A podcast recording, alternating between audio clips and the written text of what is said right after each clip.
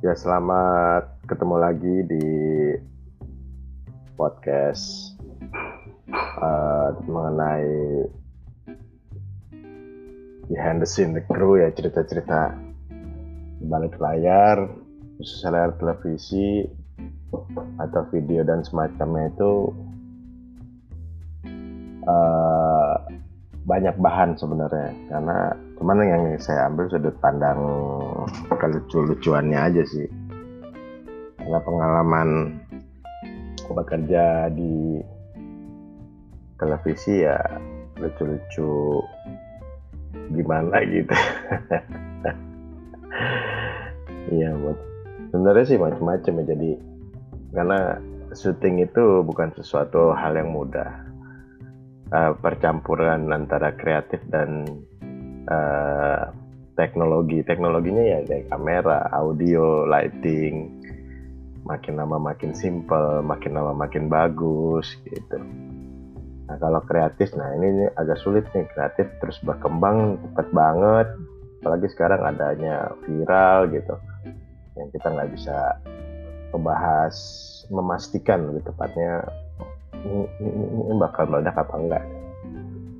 Ya tapi semua itu membutuhkan proses. Nah, eh, sekarang ini episode kali ini saya akan bahas tentang proses produksi ya. Proses produksi atau kekuatan produksi itu di pre-production. Kenapa di pre-production? Karena semuanya disiapin. Ibaratnya kalau kita masak, bahan belanjaannya, bahan yang akan dimasaknya itu bagus, baik. Ya, jadi kalau bahan utamanya misalnya bahan mentahnya aja udah bangkai misalnya kita mau masak uh, ayam bakar atau enggak ayam goreng tapi ayam yang kita beli itu udah bau gitu ya ya susah diolahnya. Dimakan juga tetap jadi bangke. Ya makanya kalau kita proses uh, pra produk itu yang benar yang benar dalam arti ya lebih baik kita gontok-gontokan ya kan? Tapi begitu syutingnya mudah memudahkan. Tapi emang kenyataannya nggak bisa seperti itu, beda dengan di luar negeri ya. Tapi nggak tahu juga deh apa apa kita kondisinya begini semua atau ada yang benar-benar mempersiapkan itu beda-beda sih tergantung uh, pemimpin besarnya. Kalau misalkan paham dengan proses, dia akan menjalani proses dengan baik. Jadi pre-productionnya itu waktunya agak agak lama dan matang kalau lama nggak matang juga percuma jadi kalau misalnya kita persiapannya lama tapi mulai meetingnya aja udah udah malam hari gitu. Kenapa malam hari? Uh, menurut saya tidak tidak bisa maksimal. Karena gini ketika hari itu dimulai dari pagi. Pagi kita ketemu masalah anak punya masalah ketemu masalah dengan tetangga dan lain sebagainya. Itu akan mempengaruhi kreativitas di malam harinya tapi kalau kita meetingnya pagi itu lebih efektif karena belum ada proses-proses atau konflik-konflik yang ditemukan di hari itu. Jadi kalau menurut saya pribadi sih ketika bangun tidur kita mandi itu adalah the best fresh gitu. Jadi kalau menurut saya ada beberapa dulu kalau misalnya seniman ya harus mabok dulu, harus begini dulu begitu. Nggak, kalau kreatif mah nggak nggak, nggak begitulah Nah, nah kita kreatif itu bukan dari halu. Kalau itu kan halusinasi yang yang dihadapin. Ya, memang beberapa melihat ada yang sukses gitu, tapi banyak yang belangsaknya sih. Kreatifnya kagak ditangkap aparat nanti. Ya, ya begitulah. Tapi proses kreatif ini kayak saya contoh nih.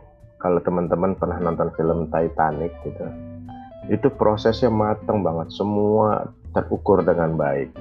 Bahkan pemainnya itu castingnya juga itu Leonardo DiCaprio dan Kate Winslet itu sangat mewakilkan gitu. Jadi seakan kejadian itu benar terjadi. Emang kenyataan ketabrak kapal itu benar.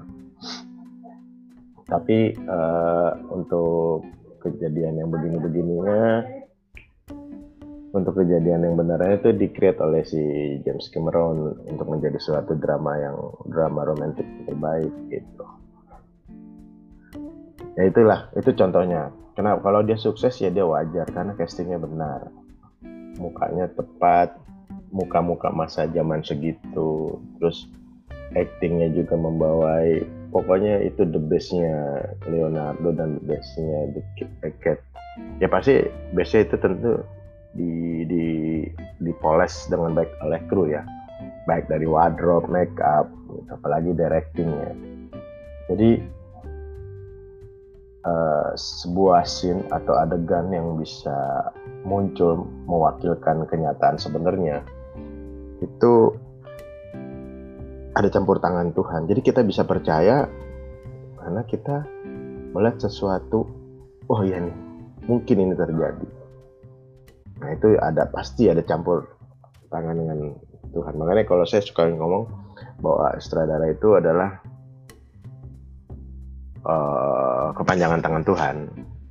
Tapi kalau dia membuat adegannya bagus ya, tapi kalau cuman adegan yang numpang lewat gitu yang yang biasa-biasa aja yang yang orang nonton oh ya ya biasa aja tapi kalau orang nonton adegan itu atau cerita itu sampai mengingat-ingat dia nonton di SMP SMA masih ingat kuliah masih ingat sampai kuliah masih ingat berarti itu the best moment have captured. Itulah makanya kalau produksi base-nya itu di pre-production. Nah, kita bolehlah kita adu argumen di, di dalam pre-production, tapi ketika syuting harusnya memudahkan.